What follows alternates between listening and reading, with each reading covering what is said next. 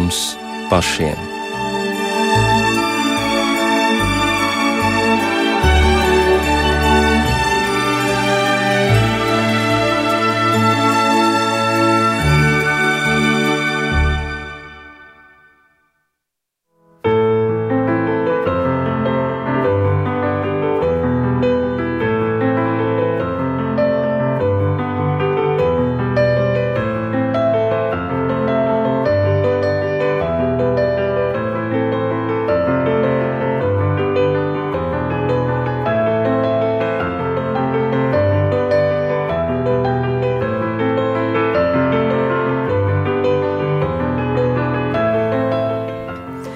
Labvakar, raidījumā pāri mums pašiem, lai ir slavēts Jēzus Kristus. Studijā Inte Zēgnere par skanējumu rūpējas Mārtiņš Paeglis. Un nav nekāds noslēpums, ka šajā laikā kopš Covid aizvien populārāka ir kļuvusi Jāņa atklāsmes grāmata. Cilvēki mēģina saskatīt paralēlis starp pasaulē notiekošo un to, kas tika atklāts vienīgajam nenomocītajam Kristus apustulim Jānim, kad viņš atradās izsūtījumā akmeņainajā Patmas salā Egejas jūrā un tur pārdabiskā veidā saņēma atklāsmi, par ko viņš raksta šādi. Šī ir Jēzus Kristus atklāsme, ko viņam devis Dievs, lai saviem kalpiem rādītu, kam ir jānotiek drīzumā. To visu Kristus darīja zinām, sūtīdams savu eņģeli pie sava kalpa Jāņa, kas apliecināja visu, ko viņš redzēja. Un laimīgs tas, kas lasa un klausās šos pravietojumu vārdus, un kas ievēro visu, kas tur ir rakstīts, jo noliktais laiks ir tuvu. Šovakar mēs nepievērsīsimies laiku beigu ainām, bet gan situācijai, kas ir aprakstīta atklāsmes grāmatā sākumā, trešajā nodaļā, pirmajās trijās būtībā, un tā ir atklāsme par septiņām draudzēm. Tas ir vēstījums draudzēm Efezā, Smirnā, Pergamā, Tietīrā, Sardos, Filadelfijā un Laudiķijā un katrai ir uzrādītas tās garīgās lietas, kurās ir vai nu jānostiprinās, vai arī kuras ir jāizmaina. Un tā draudzēji Efizā tiek pārmest tas, ka viņa ir atteikusies no pirmās mīlestības, to ir pazaudējusi attieksmē pret Dievu. Savukārt Laodiķijas draudzē ir sacīts, un te ir tādi interesanti vārdi, Es zinu tavus darbus, ka tu neesi ne augsts, ne karsts, un kaut jau tu būtu augsts vai karsts, bet tā kā tu esi remdens, ne augsts, ne karsts, es tevi izspļaušu no savas mutes. Kas tad īsti ir domāts ar šo vārdu remdenība? Tā kā tu esi remdens, ko tas īsti nozīmē, kā to vispār var izmērīt?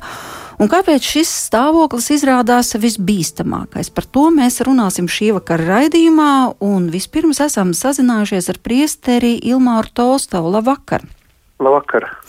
Tad kāpēc remdenība, būtībā vārds, kas ir tikai vienu reizi minēts Bībelē, atklāsmes grāmatā, ir tik ļoti bīstams stāvoklis? Un kas to vispār raksturā? Ko nozīmē remdens? Kāds var zināt, es esmu remdena, es esmu augsta vai es esmu karsta? Nu, Vispirmām kārtām gribētos klausītājiem mazliet paskaidrot atklāsmes grāmatas tapšanas kontekstu.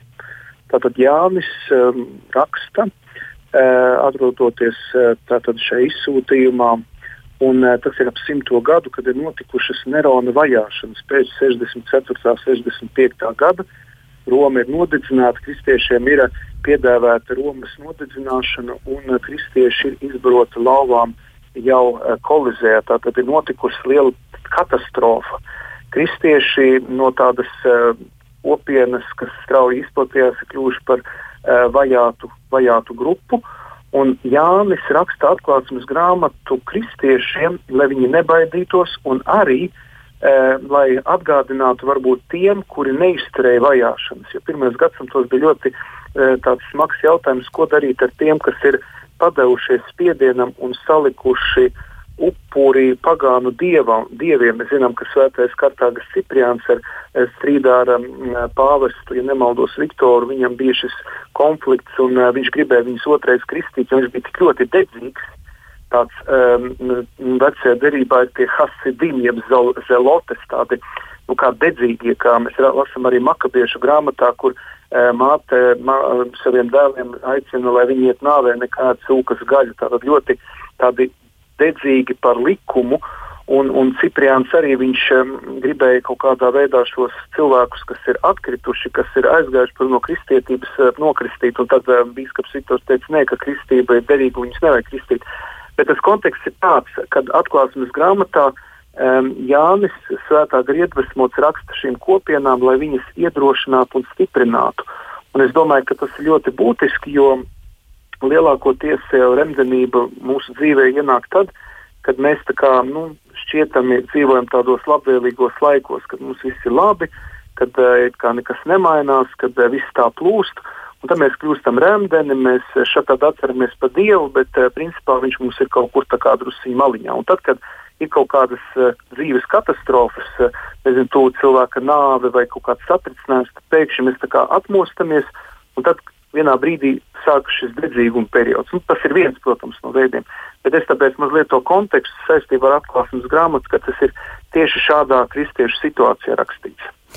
Jā, bet eh, tas jau būtībā nebija Jānis, kas rakstīja draudzēm. Jānim tika pavēlēts rakstīt draudzēm, jo viņš tur sākuma atklāsmes grāmatā apraksta to situāciju, ka viņš tika aizrauts garā un viņš ieraudzīja kādu līdzīgu cilvēka dēlam, ieģērtu garos svārkos un ar zelta jostu, un gāva bija balta, kā sniegbalta vilna, viņš tur apraksta un acis kā uguns liesmas, un viņam tika pavēlēts rakstīt. Protams, protams viņš kā svētrakstītājs tādā saņem šo inspirāciju, iedvesmu, un skaidrs, ka nu, Dievs caur Jānu, jeb respektīvi tāds bija atklāsmes grāmatas uzdevums stiprināt pirmo kristiešu kopienu tieši pēc Nerona vajāšanām. Un tāpēc arī vispār vēlāk šie apraksti un tēlēnie šādi redzējumi, viņi ļoti, ļoti tēlēni, bet tas pirmajam kristiešiem bija ļoti, ļoti svarīgi.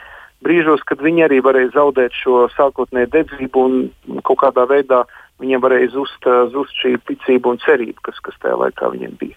Jā, bet tu tikko teici, ka visbīstamāk ir tad, kad ir komforts, un šajos komforta apstākļos nu, cilvēks tā kā kļūst remdens arī attieksmē pret Dievu, un es atceros, kā kādreiz mums kolēģis ar tit no Vācijas rādio teica, nu jā, jā, tā kā mēs bijām nabadzīgi, mēs arī bijām ļoti dievbīgi pēc kara un ļoti dedzīgi, bet tad, kad mums parādījās pirmās mašīnas, drēbes un ceļojumi, tad cilvēki aizvien mazāk sāka iet uz baznīcu. Nu, piemēram, tā, ja? bet šeit, šajā gadījumā, taču tās draudzes ir bijušas vajātas ikvienā no tām jau pieminētajām vietām, nu, un tā skaitā arī Laudeķijā, un pēkšņi tāds pārmetums par to, ka tu esi remdens. Jā, bet es domāju, ka daudziem kristiešiem bija kārdinājums pieslēgties pagānismam, lai e, nezaudētu komfortu, jo e, protams, ka nu, kristietība no viņiem prasīja milzīgu upuri, un tad, protams, ka šī remdenība bija veids, ja tu saliec pagānu dieviem šo upuri, tad uh, sabiedrība tevi akceptē, tev tiek iedoti kaut kādi labumiņi, kaut kāds status, un tu vari, un tu vari mierīgi eksistēt. Pie mūsdienās arī e, daudzi kristieši katoļi, kas ir piemēram bijuši dedzīgi, bet tiklīdz viņi nonāk kādos augstos valsts amatos vai sabiedrībā kļūst ļoti slaveni redzami, viņi sāk baidīties nu, slavenos populāros žurnālos, vai radio vai televīzijā publiski paust savu kristīgo pārliecību. Jo tas no viņiem prasa upuri. Ja viņš ir sabiedrībā atzīts, ja viņu tur pazīst un viņam seko, un tā, un kā viņš tagad teiks, ka viņš ir kristietis, katolis, jo arī mūsdienās, ja tu esi kristietis, tad tev uzreiz ir zīmoks. Tevi nu, tiešā veidā Latvijā nav diskriminācija, bet netiešā tādā nu, slēptā veidā viņi tomēr notiek. Cilvēks tiek noizolēts, nodistancēts un nobīdīts malā. Un tad viņš izvēlās labāk rēmdenu dzīvesveidu, bet e, baudot e, šīs zemes e, tos labumus, labumiņus, kas viņam kā būt e, dedzīgs kristietis, bet tad tev jārēķinās, ka tu tiksi kaut kādā veidā nostumts malā, noizolēts, jo nu, tu neiedēries vairs tajā mainstreamā, ja tādā sabiedrības plūdumā. Es domāju, tā, nu, labi, mums nav mūsdienās tādas vajāšanas, kā bija pirmiem kristiešiem, bet es domāju, ka daudzas paralēlas šajā ziņā var vilkt, protams.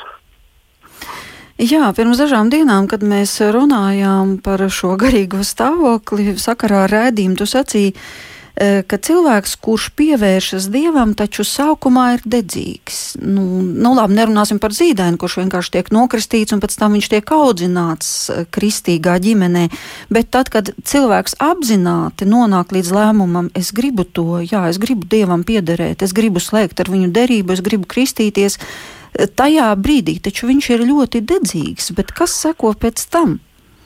Es domāju, ka tad, kad cilvēks atverās Dieva žēlastībai, Dievs viņu īpašā veidā tā apņem, un arī tīri, arī skatoties tīri dabiskā veidā, uh, cilvēks sākumā ir nonākt tādā arī psihoemocionālā eiforijā, kur to var salīdzināt tāpat kā, piemēram, cilvēks iemīlās, viņš um, satiek otru cilvēku vai, vai atkal kaut ko jaunu atklāja, viņam ir emocionāla aizgrātība, aizgrābtība. Tur ir gan garīgais aspekts, ka Dievs viņam dod tādu spēcīgu žēlastību, gan arī tīri cilvēciski viņš ir pārņemts ar, ar jaunām emocijām, kuras iepriekš viņam nav bijis. Viņam viss liekas jauns, viss skaists. Bet tās emocijas taču Dievs dod. Pats viņš nevar izgudrot tikai tāpēc, ka viņam tiek uzliets ūdens uz galvas, tad viņš piedzīvo kaut kādas pārdabiskas emocijas. Tad, tas taču ir garīgs piedzīvojums. Protams. Es saku garīgs, bet arī kaut kādā veidā ir arī šī psiholoģiskā dimensija, jo dažreiz lietas, ka, kas ir pilnīgi jauns kaut kas dzīvē. Tātad cilvēks atklāja garīgo pasauli, viņš atklāja pilnīgi jaunu tādu perspektīvu. Bija dzimis pilnīgi... no augšienes.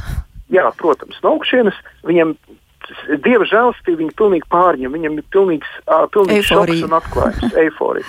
Bet tad vēlāk, ejot, paiet dažiem gadiem, tā saucamās rozā brilles nokrīt, un tad arī Dievs, kā saka, varbūt to konfekti, to, to aizgrābtību noņem nost, un tad sākās tā, tas dziļākais darbs pie sevis, sākās um, jā, dieva likuma pildīšana, sākas um, kaut kādas nērtības, sākas arī kaut kādas varbūt vajāšanas, sākas kaut kādas grūtības. Tad, protams, ka vairs uh, cilvēkam nav tik viegli lūgties, vairs, vairs nav tā aizgrātība, vairs nav tā interese. Daudz saka, ka tikko viņi atgriezušies, viņi ļoti var lasīt daudz bībeli, garīgo literatūru, citi saka, ka viņi pilnīgi viņu ēd. Un tad paiet laiks, un tad ar vien neinteresētāk, un grūtāk, un grūtāk, un tad pienāk tāds brīdis, kad ir tāda apātija, un, un pazūd tā interese, tad uh, man jāpiespiež sevi svētdien aiziet uz baznīcu, man ir jāpiespiež sevi nosēdēt to dievkalpojumu. Un tad sākās tāda, nu jā, iekšēji garīga cīņa. Vai es Dievu izvēlos tikai tāpēc, ka viņš man dod kaut kādas patīkamas emocijas, ka man ir šī aizgrābtība, vai es tomēr viņam sekoju ar gribu, jo es apzinos, ka Dievs ir manas dzīves vislielākais labums ka viņš ir tas, Jā. no kuras nāk un pie kuras eju. Bet tas nozīmē, ka pat tādā stāvoklī, kad cilvēks sevi piespiež aiziet uz dievkalpojumu svētdienā, ka tas vēl pat neliecina par viņa remdenību, bet tas nozīmē, ka viņš iet vienkārši cauri garīgai cīņai, kur viņam ir jāizbrien savus tūkstnesis, lai varbūt vēlāk Dievs viņam atlīdzinātu vēl bagātīgāk, nu, nezinu, ar eiforiju vai vienkārši ar sevis pazīšanu un tā tālāk, nu, lai nu, notiktu šī garīgā izaugsme. Nu, es domāju, ka tie kristieši, kas uh, ceļos nometušies, dziedāja lauvu priekšā, ka viņus tūlīt saplosīja, vai tie, kas bija Sibīrijā vai izsūtīšanā, nu, viņi jau nebija nekādā tādā psihoemocionālā eiforijā. Viņi drīzāk bija ciešanās un grūtībās. Mēs viņus nevaram saukt par emdeniem. Viņi bija dedzīgi. Tad dedzīgums uh, var nozīmēt arī to, ka cilvēks cīnās, cīnās ar saviem kārdinājumiem, viņš cīnās ar saviem netikumiem, viņš iet cauri tam, ka viņam draudzē riebjās garīdznieks, eh, cilvēki, viņam viss tur nepatīk, viņam tur ir grūti. Un, un tur mums ir tā, tā, brī, tā bīstamība, ka mēs to dedzīgumu vai to, to, to, to foršumu, jeb to, to dieva spēku varam uh, sajaukt ar kaut kādām pozitīvām emocijām. Piemēram, aiziet uz baznīcu, tur spēlē ar ģitārām, vai tur notiek kaut kāds tāds super pasākums. Sakam, vai cik te viss ir skaisti, te viss ir ļoti dedzīgi, te ir tāda aizgrābtība, te noteikti dieva gars un tā tālāk. Bet dažreiz tas var būt mānīgi, jo nevienmēr tas, ko mēs ārēji redzam vai sajūtam, uh, tas ir patiešām tā arī garīgajā pasaulē, ka dažreiz varbūt tieši otrādi, ka Dievs mums uh, noņem šīs emocijas un ieved tādā varbūt vietā un situācijā, kas mums pašiem ir nepatīkama, bet mēs uh, ar Dieva spēku tam ejot cauri un cīnoties, mēs uh, saņemam, tas sakot, lielāku to dedzīgumu, jeb to palīdzību no augšienes, kas mums, mūsu garīgās dzīves izaugsmē var būt daudz noderīgāk nekā tās, tās emocijas vai tā ārējā uh, ārējā tā saucamā dedzība, ja, kas bieži vien varbūt ir saistīta mūsu pašu ambīcijām vai kaut kādām vēlmēm, iegribām, lai viss notiek pēc mūsu prāta.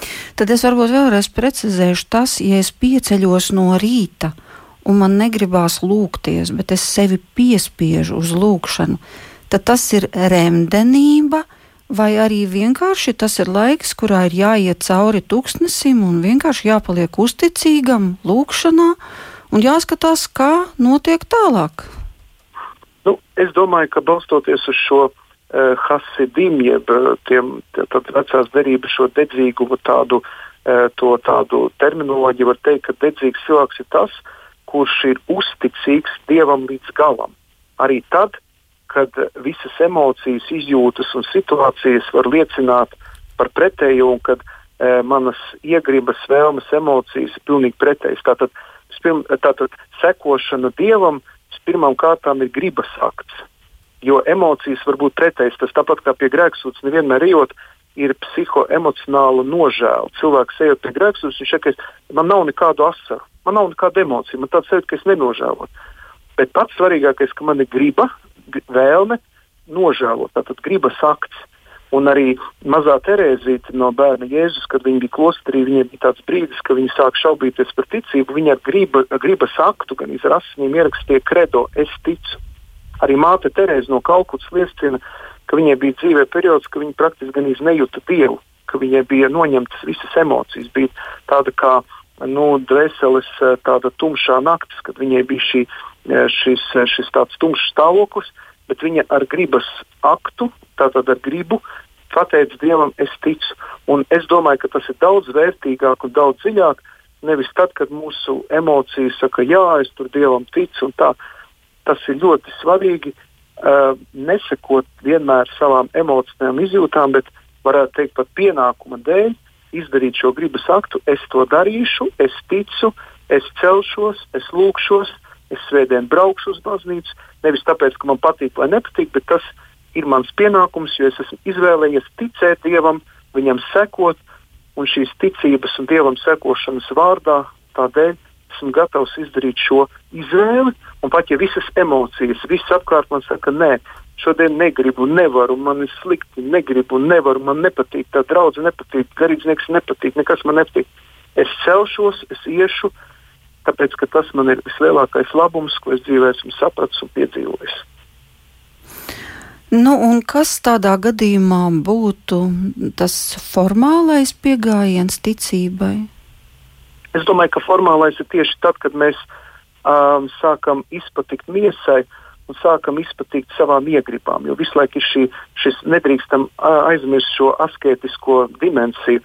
Bieži vien pēdējā laikā mēs ļoti daudz runājam par dievu mīlestību un žēlsirdību. Tas ir svarīgi, bet ir jāapzinās, ka mums arī no savas puses ir jālīdzdarbojas dieva žēlastībai. Jo mēs nevaram teikt, nu, ka es iešu uz baznīcu tikai tad, kad es jutīšu, kad man vajag. Man ir tāds cilvēks, kas zina, es tā bieži neju uz baznīcu, bet es aizēju tad, kad es jūtu, kad man vajag.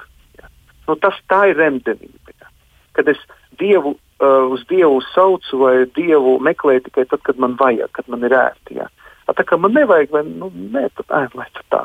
Ja, tad, tad, tad, kad es um, atkāpjos no šiem saviem pamatprincipiem, no kristīgās ticības pamatprincipiem, sāku jau sekot savām iegribām, tad jau ir šis ceļš uz remdenību. Ja, tad, tad dedzīgums ir tad, kad es Dievu izvēlos savā dzīvē pāri pār visām citām lietām, kad Viņš ir mans dzīves kungs un pestītājs, un ka visas savas dzīves prioritātes, visas savas dzīves jautājumus es sakārtoju ar viņu un pakārtoju viņam.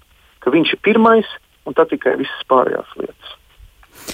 Jā, paldies, paldies par šo īso vai arī vidēji īso izskaidrojumu. Paldies, un tūlīt eh, pieslēgsim jau mūsu nākošo šī raidījuma viesi. Paldies, paldies saka Ilmāram Taustavam. Paldies. paldies. Šobrīd esam sazvanījuši mācītāju Ivaru Jēkabsonu. Labvakar! Labvakar!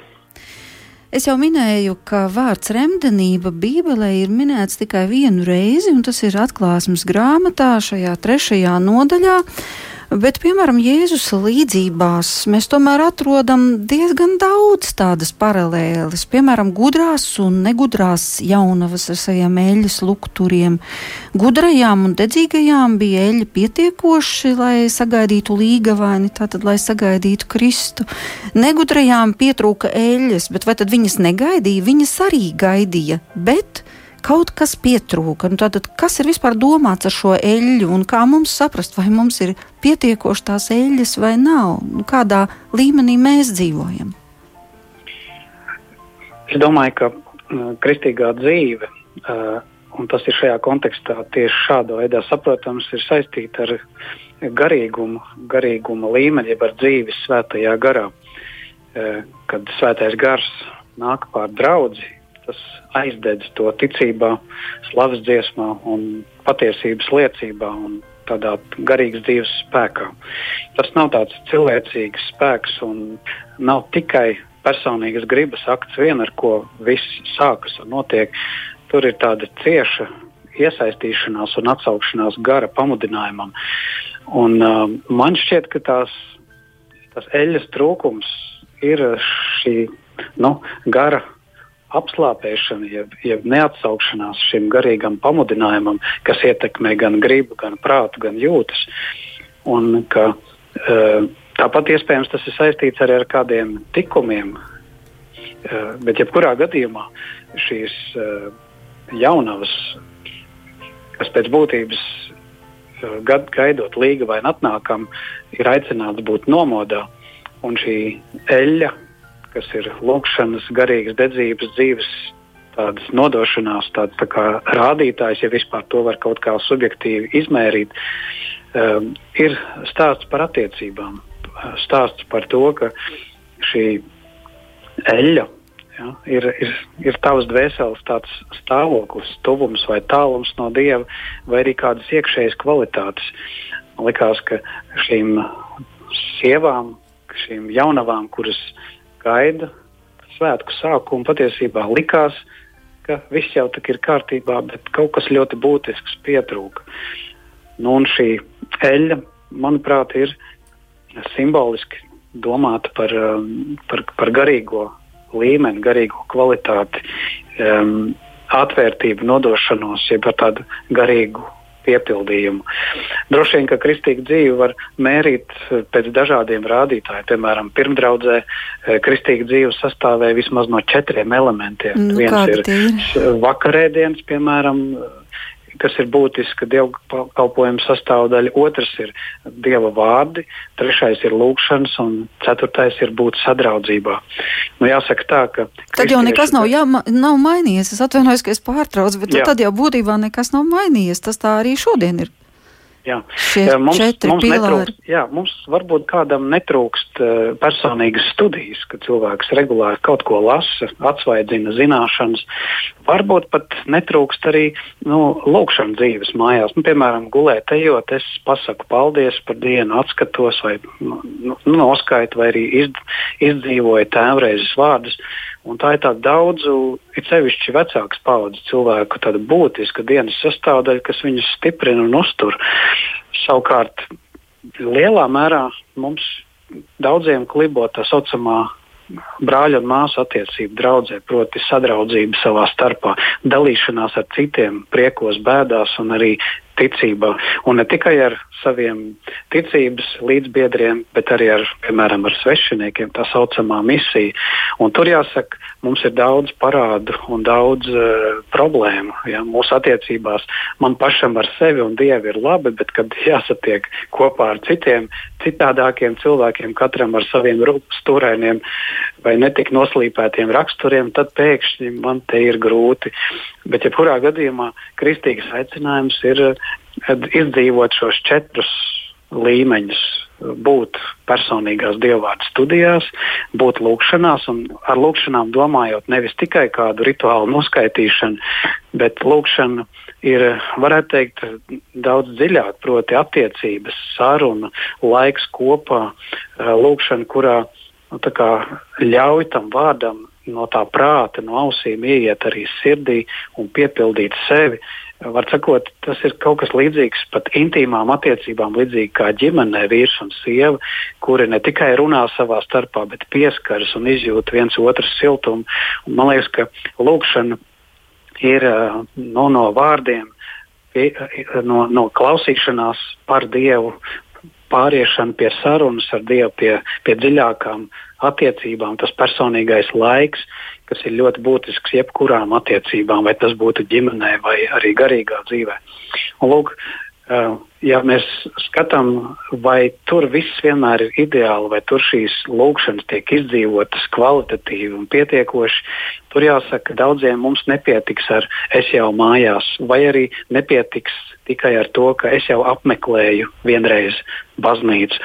Nu, man pēc personīgās pieredzes ir skaidrs, ka, piemēram, ja tu gribi cilvēks būdams fiziski sevi uzturēt kaut kādā fiziskā formā, nepietiek ar treniņu vienreiz nedēļā, vienu stundu. Um, patiesībā ir nepieciešams vismaz katru dienu kaut kādi brīži un tādi kārtīgi treniņi divreiz, trīs reizes nedēļā, kuri tad tavu fizisko formu uztur. Un man liekas, ka attiecībām ir līdzīgi. Pretējā gadījumā notiek um, sakot, mu, muskuļu atslābšana un beig beigās tas noved pie, pie, nu, pie, pie kvalitātes, jeb garīgās un fiziskās formas zuduma. Un man gribētos teikt, ka dievvvārdi, lūgšanas, arī tas svētais sakraments, proti, dievgalds, kas ir dievkalpojuma būtiska daļa, un arī sadraudzība ir tā, kur varētu rādīt to um, nu, kuros līmeņos man vēl vajadzētu izaugt, vai kur man vēl ir um, vispār kāds iztrūkums, lai es varētu sacīt, nu, mana kristīgā dzīve ir, ir daudz maz laba.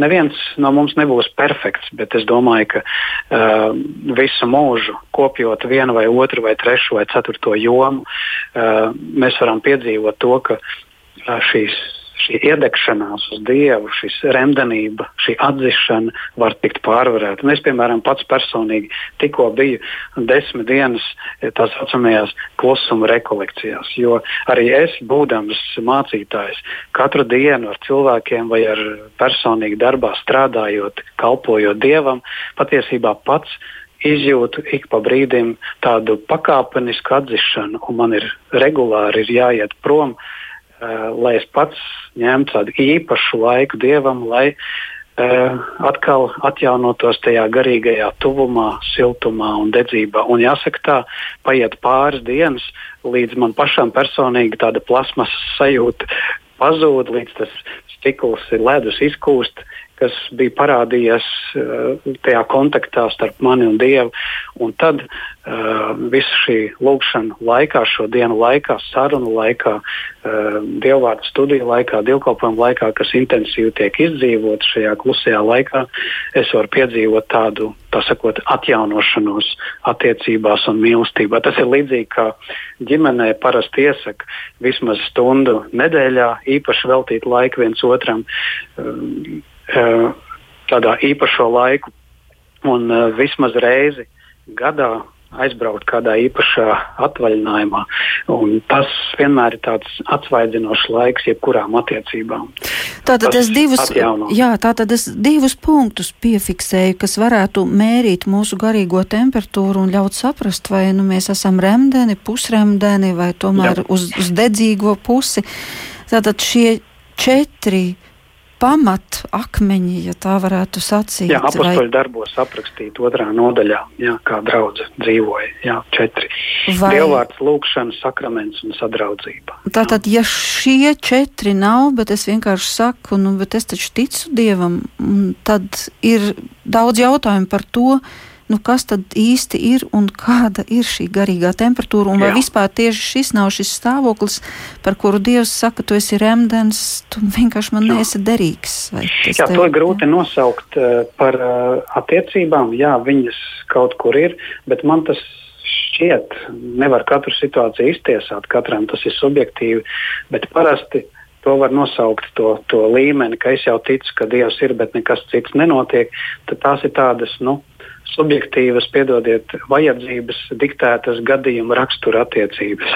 Nu, līdzīgi kā ātrās palīdzības attiecības vai līdzīgi kā uh, nezinu, uh, aptiekas attiecības, veikala attiecības ar Dievu tās, tās ir grūti nosaukt par ģimenes attiecībām, kur, piemēram, draudzes un dieva attiecības tiek saukt vispār kā vīra un sievas attiecības, ka tā ir dzīve ikdienā, ceļoties kopā, ejot gulēt, dzīvojot, domājot vienam par otru, apliecinot mīlestību, kalpojot viens otram, izdzīvot priekus un bēdas kopā. Um, jā, šīs tā saucamās attiecības, ka Dievs kaut kur ir, tā ir tāda zināšana Jā, bet tik un tā arī jā. šādā līmenī var būt šī personiskā attieksme, un pat neejot uz baznīcu, un pat nelasot vārdu, tajā pašā laikā cilvēkam sirdī tas ir kaut kur dziļi ielikts, un viņš zina, kā nosaukt Dievu vārdā, un Jā, viņš zina, kā pie viņa vērsties. Pat ja viņš nav spēris so, šo soli tālāk, un pat ja viņš nav ticis līdz regulāram baznīcas apmeklējumam, un pat ja viņš nav vēl nereizes piegājis pie dievgalda, tajā pašā mm. laikā viņa sirds uz Dievu sauc, un Jā. ir turpat lūkšana iespējama. Jā, grūti, grūti iztiesāt, kurš stāvoklis ir labāks. Vai tas, ka es nepiedaru pie draudzes, bet man uh, šad tad vai varbūt pietiekami regulāri ir tādas ļoti personīgi karstas domas uz Dievu vai sajūtas, jeb tas, kurš ir iegājis baznīcā un kļuvis liekulis, vai kļuvis sekls, vai atsvešināts, vai pārpratis savu ticību, tad varbūt tas otrais stāvoklis e, ir daudz sliktāks nekā tas, kurš ir karsts kaut vai no attāluma. Bet e, tai pašā laikā es gribētu teikt, ka nu, cik ilgi tu dzīvosi attālumā no Dieva. Kaut kad šīs žēlstības laiks beigsies, kaut kad šīm attiecībām jātop noformētām daudz personīgāk un tuvāk. Un kaut kad no šīm sajūtām vai domām par Dievu ir, ir, ir jānonāk pie dziļām attiecībām ar Dievu. Jā, tas noteiks tev šīs un mūžīgās dzīves kvalitāti. Paldies šobrīd saku par šo sarunu mācītājiem Ivaram Jēkabsonam, un šo tematu mēs vēl tūlīt paturpināsim. Šorīt esam sazvanījuši arī 7. dienas Adventīstu draugu savienības bīskapu Vilni Latgala. Labvakar! Labvakar! Jūs jau droši vien raidījumu pirmo pusi dzirdējāt, un arī atziņas, kuras Jā. mēs te apspriedām par remdenību. Tad eh, kāpēc remdenība ir visbīstamākais stāvoklis? Un cik lielā mērā vispār mēs to varam attiecināt uz mūsdienām? Tagad taču viss ir pieejams, draudzes vaļā, bībeles plauktos. Vai tā nu, nav lielākā bīstamība mūsdienās? Nu, man šķiet, ka, ja mēs lasām atklāsmes grāmatu, tad mēs redzam gan uh, otrā, trešā nodaļa, sestā un citas. Viņas runā par draugu vēsturi. Un, un šis uh, Laudīķijas draudzes periods būtībā ir tas pēdējais pirms Kristus otrās atnākšanas, kas būtībā attiecās uz laiku, kurā mēs dzīvojam. Tad jau un, tas attiecas uz mums? Tieši uz mums, jā. Lai cik tas nebūtu dīvaini. Un, un te uh, es skatos 17. pantā, 3. nodaļā, ir teikts, uh, tu saki, es esmu bagāts, man ir pārpilnība, man nevajag nenieka, bet tu nezini, ka tu esi nelaimīgs, nožēlojams, nabaks, akls un kails. Un, un šeit ir tā, tā mūsu m, mm, tendence, ka mēs uh, dzenamies pēc tā labklājības evaņģēlīja, tā varētu teikt. Nu, kad, uh, ja Dievs mani svētī, tad man visa kā ir gana un man nekā netrūkst. Un, un, un, un šeit atklājās, ka, ka tās ir lamatas būtībā. Un, un, un tad 18. pants saka, Kristus saka, es došu tev padomu pēc no manis patiesu zeltu kas ir ugunspēlē kausēts, lai tu būtu bagāts un baltas drēbes, lai tu apsektos un tavu kailumu kauns neat, neatklātos, un, un acu zāles, tavas acis svaidīt, lai tu būtu redzīgs. Un, un, un, un te ir jautājums, kas tas par zeltu un, un, un kas tās par baltām drēbēm un, un tās acu zāles. Un, nu, to mēs varētu an analizēt diezgan ilgi, bet īsos vārdos uh, ticība. Bībele uh, piedāvā kā šo patieso zelta ticību, pārbaudītu ticību uh, uzticama ticība, uzticēšanos Dievam. Uh, otra lieta ir šīs baltās drēbes. Mēs saprotam, ka tas ir tas Kristus taisnības tēls, kas arī Bībelē ir attēlots. Nevis mūsu taisnība, mūsu paštaisnība, mūsu darbi, uh, labie vai sliktie, bet tieši uh, Dieva žēlastība un, un, un, un tas uh, kailuma kauns. Jā. Un acu zāles būtībā mēs esam garīgi akli, tūredzīgi un, un akli bīžiem. Un, un, un tad ir, ir, ir vajadzīgs šis svētais gars, kurš atver mūsu acis un, mm, un, un notiek šī pārmaiņa. Galatiešiem 5,22. Uh, šie gara augļi, pēc tiem var pazīt, vai ir gara klātbūtne cilvēka dzīvē, un tā ir mīlestība, un, un tā ir tā agapeo mīlestība, jeb tā nesautīgā mīlestība. Tas ir prieks, miers, pacietība, laipnība labprātība, uzticamība, lēnprātība un atturība, ja pašsavaldība. Un, un šeit mēs redzam, ka, ka Bībele gan atklāja šo problēmu, gan arī sniedz risinājumu. Jā. Es nu pat Facebookā izlasīju, ko bija sacījis viens itāļu garīdznieks tēvs Antonio Sikārī. Tāda ļoti zīmīga frāze. Viņš ir sacījis, ja tu nostāsies Dieva priekšā un jautāsi, kungs, ko tu gribi, lai es daru, tad tev ir tikai viens risks, tas, ka viņš tev to arī pateiks. Un tad šī nostāšanās Dieva priekšā. Ir taču apustulis Pāvils sacījis, ne es vairs dzīvoju, bet manī dzīvo Kristus. Ja tas tiešām ir tā, ka mēs to varam pateikt un attiecināt uz sevi, tas droši vien nozīmētu, ka mēs neesam remdeni. Vai kā tas ir? Ar to remdenību ir ļoti interesanti. Es arī paskatījos uh, skaidrojošās vārnīcās internetā, uh, nu, kāda ir sinonīma vārdam remdenība. Tā ir māksticība, tas, tas ir nepastāvīgums, Um, tas ir arī slinkums, gļēvums, garīgs vājums un, un, un, un vēl citas lietas, formālisms arī starp citu. Un, un, un iespējams, ka varētu atrast arī vēl citus, citus uh, salīdzinājumus. Bet uh, jā, es piekrītu, ka šis citāts ir, ir ļoti labs, kad cilvēki nemaz reizēm negrib zināt dieva gribu, jo viņu, viņu gribu un vēlmes var atšķirties. Un, un, un tas ir arī uh, pirmā Jāņa vēstulē, otrajā nodaļā. Mm, Apstults Jānis raksta, nemīliet pasauli, ne to, kas ir pasaulē, jo, ja kāds mīl pasauli, tad viņā nav tēva mīlestība, jo viss, kas ir pasaulē, miesas kārība, acu kārība un dzīves lepnība, mm, tas nav no tēva, bet no pasaules, un pasaule iznīkst un viņas kārība bet kas dara dievu prātu, tas paliek mūžīgi. Un šeit ir uh, jau jautājums ir par to, uh, ka cilvēkam tomēr ir jāzina tas dievu prāts. Un, un, uh, man patīk šis teksts arī mm, jaunajā dzīvē angļu tulkojumā, un, un viņš tur skan ļoti interesanti. Nemīliet lietas, ko piedāvā pasaule. Un, un, un tās kārības, kas tur ir minētas 16. pantā, miesas kārība, šeit angļu tulkojumā izspriedzes. Un acu kārība šeit ir tulkota kā vēlme iegūt visu, ko redzam, un dzīves lepnība tā ir lepošanās ar sasniegumiem un īpašumiem. Un, un eh, Jānis saka, tas nav no dieva, un, un šis uh, pasaules piedāvājums iznīkt, bet tas, kas ir dievam patīkams, tas paliek mūžīgi. Un es gribētu teikt, ka mēs patiešām dzīvojam tādā laikā, kad izpriecas ir augstu vilni, un nu, šobrīd uh, šis vīrus ir ierobežojis šo izpriecu o, nu, mega, mega izmērus, jā, jo visi kruīzi un ceļojumi, un, un, un kas tikai cilvēkiem nebija, netika piedāvāts, un to arī viņi ar prieku arī izmantoja. Un, otrs šī kārība ir vēlme iegūt visu, ko redzam. Es uh, kādreiz vienā skatlogā pirms dažiem gadiem redzēju, uh, ņemt to līdzi, maksāt pēc pusgada tas attiecās uz elektroprecēm, veļu, veļas mašīnu vai, vai ledus skati. Ņemt to līdzi, pēc sāc maksāt pēc pusgada. Nu, kā var neņemt? Nu, un, un, un, un lepošanās ar sasniegumiem un, un īpašumiem, un, un šeit arī droši vien arī uh, automašīnas un daudz kas cits ietilpst. Un mēs saprotam, ka tas pārņem cilvēku tik lielā mērā, ka, ka dievam vairs pat tad nav, nav vietas mūsu dzīvē. Man ir un... tāds jautājums, es atvainojos, ka pārtraucu. Jā, jā. Varbūt jūs varat kaut kā savādāk to telefonu mazliet novietot, tāpēc, ka mazliet plīst skaņa pušu. Un brīžam plīst, un brīžam nē. Līdz jā. ar to, jā.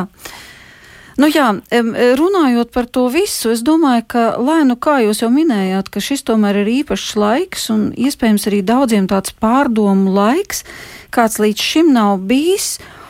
Un varbūt arī kāds ir sajūties kā slazdā, tajā nozīmē, ka aiz muguras ir pagātne, ko nav iespējams labot, un ir sapratne, ka tik daudz ir kaut kas darīts pret dievu gribu nepareizi, ko nav vairs iespējams izlabot. Tad tev vairs nav ar ko attaisnoties viņa priekšā, jo labot to tu vairs nevari. Kas ir Nākotnē, nākotnē, nu varbūt ir 10, 20 vai 40 gadi, un tik un tāpēc tam ir lēciens nezināmajā, kas mani tur gaida un ko es atbildēšu. Un tad ir atklāsmes grāmatā lūk, šis norādījums par to savas dzīves laika izmantošanu. Es neesmu neko sakrājis, es neesmu paspējis izdarīt to, ko varēju, es esmu izšķērdējis, bet ko tad tālāk? Un šī slāzda sajūta no vienas puses, un daudziem, un paskatieties pasaulē, tā sacīt, nāve elpo pakausī, stress elpo pakausī, sadarījis to es savā dzīvē pārāk daudz pirms tam un priekšā. Un tad ir šis jautājums, nu, beidzot, es tomēr gribu sakārtot to savu ceļu, kas man ir priekšā. Es vairs negribu, es negribu vairs, lai man būtu jābaidās par to, kas ar mani notiks pēc tam. Ja? Un es negribu, ka man pieskaita to, ka es esmu remdens un nekur tālāk par savu remdenību neesmu ticis un arī Dievu neesmu mīlējis. Nu, tad kā man to visu dabūt?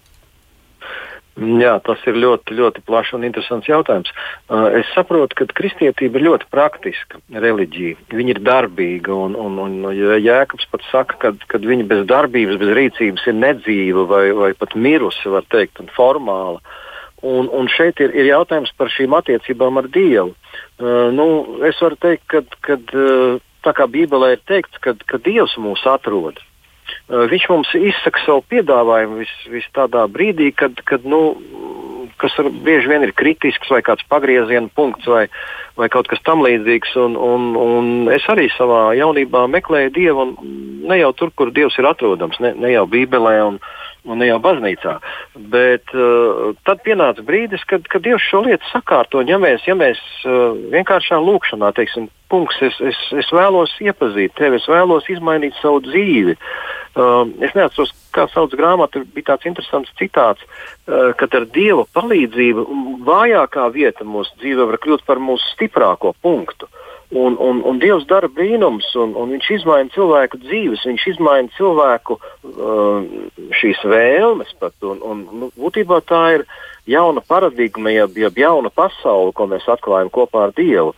Un, un tādēļ, uh, ja mēs gribam būt tādi formāli kristieši, nu, un sakam, nu jā, es ticu, un es ticu, ka Dievs ir, un, un, un es pat baznīcā tur šādi aizēju, Tā nav kristietība, tā nav ticība, tā nav, tā nav darbīga ticība, un tā nav, tā nav patiesa kristietība. Jo uh, Jēzus Kristus teiksim, atklāja ar savu dzīvi, nu, nu, kādai tad ir jābūt šai dzīvei.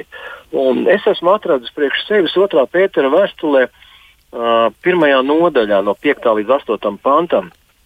Un tur jaunajā latviešu tūkojumā skan tā. Tādēļ uh, pūlieties, ja pielieciet visas pūles, saka angļu tūkojums, lai jūs ticību savienot ar tikumu pasaulē ir ārkārtīgi daudz netikumības. Ja, un, un, un, un tas ticības, jeb uzticēšanās jautājums ir sākuma punkts. Es sāku uzticēties Dievam. Un, un tad es noš, nošķiros no tā, kas ir, kas ir netikumība. Un tālāk ir atziņa. Šī atziņa vairojās. Tā ir atziņa par Dievu, par ticību, un, un to mēs redzam no, no, varam saņemt no Dieva vārda, no Bībeles un, un no lūkšanām. Un, un tad nāk savaldība. Un tad ir izturība, jeb ilgcietība dažos tulkojumos, spēja panest grūtības. Un tad tur nāk dievbijība, un tad nāk šī brāļa mīlestība, šī, šī draudzes sadraudzība, ko mēs jau pieminējām, jau, jau, jau Ivars jau minēja to. Un, un, un tad nāk šī dievišķā mīlestība, kas būtībā ir visotne, kas ir nesautīga mīlestība. Uh, Dievs nekad nesāk ar to, ka, nu, ja tu izturēsi šo eksāmenu, tad, tad tev viss pārējais būs nodrošināts. Nē, viņš sāk ar vienkāršām lietām. Nu, atsakieties no savas netikumības, no, no tā, kas ir ļauns, no pornogrāfijas, no, no visas šīs erotikas un, un, un daudzām tādām lietām, no, no, no, za, no zakšanas, no melošanas. Jā. Nu, nu, sāksim ar to, un Dievs mums palīdz. Viņš palīdz un, un, un palīdz iet šo ceļu. Un Kristus sacīja, es esmu ceļš. Un, un patiešām es uh, arī mm, sākumā šo tekstu pat tā neizpratīju, nu, kā, kā ceļš. Nu, bet tagad es saprotu, ka patiešām viņš piedāvā to īsto ceļu. Tas ceļš ir šaurs, viņš nav viegls, bet viņš aizved uz dzīvību. Un, un tas, kas izskanēja tajā jautājumā, nu, ko man darīt, jo laiks iet un, un es nejūtu pārmaiņas savā dzīvēm. Un, un šeit ir teikts, šajā astotajā pantā, ja viss tas jums ir un aug, ja vairojās, tas neļaus jums kļūt bezdarbīgiem vai neauglīgiem mūsu kunga jēzus atziņā. Citiem vārdiem sakot, dzīve pati mūs audzinās un veidos un darīs. Un, un tur raidījuma sākumā bija tāds jautājums, nu, ja man negribās lūgt, ko man darīt? Es uzceļos, man negribās lūgt. Tas ir ļoti interesants jautājums. Un, un ātrā atbilde ir tāda, ka tad, kad vismazāk gribās, tad visvairāk vajag lūgt. Un otra lieta, ko es esmu arī pats apguvis, ir, ir tā, ka mm, es jau neizkāpjot no gultas, saku pirmos lūkšanas vārdus, lai, lai kādas citas lietas man nepārņemtu manu prātu un, manu sirdi un dvēseli. Un, un, un tāpēc tā tiekšanās pie Dieva ir, ir atkarīga no tā, kā mēs viņu iepazīstam. Mēs viņu iepazīstam aizvien vairāk, aizvien tuvāk, un, un mēs abrīnojam šīs personas šo laipnību, mīlestību un, un, un, un visu, visu to, ko viņš piedāvā. Nu, tas, ir, tas ir kaut kas neaprakstāms. Tas nozīmē, ka ne... Dievs ļauj sevi iepazīt. Ļauj, jā, noteikti ļauj. Ja viņš, viņš vēlās, lai mēs ar viņu iepazītos. Vai jūs piekristu tēzē, ka bez grēku nožēlas un bez totālas savas sirds izmazgāšanas dieva priekšā, kaut vai vakarā, mājās, savā istabā, bez savas dvēseles tīrīšanas nevar tālāk uzsākt to ceļu? Tad tur tik un tā, līdz kamēr nebūs tas grēku nožēlas lietus nolīs un tā sirds izmazgāta, ka, nu, uz kurien tur tālāk iet. Tur tik un tā būs viss akmeņains, sauss, un tur nekas īsti nevarēs dīgt, kamēr, kamēr nebūs tas viss uz āru izcelts. Nu, pamat problēma ir lepnums. Kad mēs negribam atzīt savus grēkus, savus kļūdas, un, un, un, un, un tas arī tas tiešām tā ir, kad svētais gars mūs vada pirmkārt pie grēka atziņas, ka es saprotu, ka tas, kā es daru, ka tas nav pareizi, un, un, un kad, kad kaut kas ir jāmaina manā dzīvē.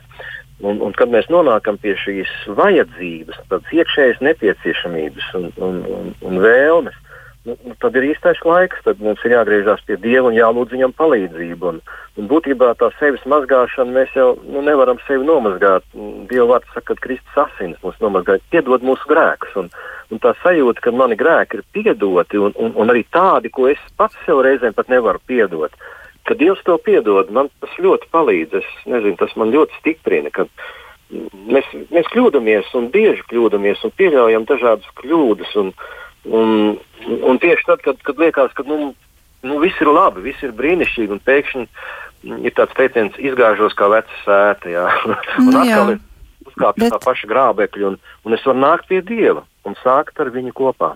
Un atkal no piedzīvot tos vārdus, redzēs, visu daru jaunu. Jā. Un tā kā nākošā svētdiena jau būs vasaras svētku svētdiena, un arī Lūkas evaņģēlē āsam vārdus ugunies nesmu nācis mest uz zemi, un es vēlos kaut tā jau degtu šī dedzības uguns. Jūs gribētu, ka jūs varētu aizlūgt šajā vakarā par mūsu klausītājiem um, un stiprināt viņus šai nākošajai vasaras svētku nedēļai, kas ir tik būtiska. Jā. Lūksim Dievu! Svētais un mūžīgais Tēvs debesīs!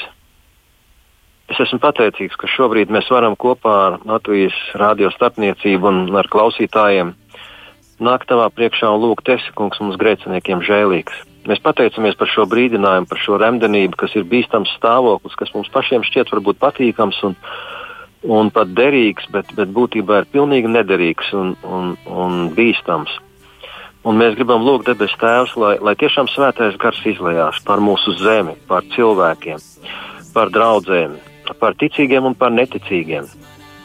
Par tādiem, kas tev kalpo, un par tādiem, kuri vēl tevi nav iepazinuši. Un, un tādēļ, kungs, mēs gribam lūgt, lai patiešām svētais gars nāk pār šo valsti, par šo zemi. Mēs gribam pateikties par apsardzību un aizsardzību, kādu mums ir devis arī šī vīrusu laikā un par tavu žēlastību, kungs, un lūdzam par visiem, kas ir cietēji un cieši no tā. Un esi, kungs, žēlīgs, lai mūsu sirds ir atvērta pret debesīm, lai mūsu prāts ir labprātīgs uzņemt tavu svētā gara pamācības, un lai lūkšana ir mūsu pirmā lieta, lai tā ir mūsu sirdīs, un, un lai dedzība un, un, un šis garīgais dedzīgums ienāk mūsu dzīvēs, mūsu draudzēs, mūsu ģimenēs, un, un dara mūs par patiesiem taviem bērniem, kas ir droši par nākotni, tādēļ, kad ir iepazinuši tevi un tev uzticējušies. Paldies, Tev, Kungs, par visu! Svētī mūsu zemi, un lai Tava žēlastība ir ar mums visiem. Kristus vārdā mēs to lūdzam un pateicamies. Āmen!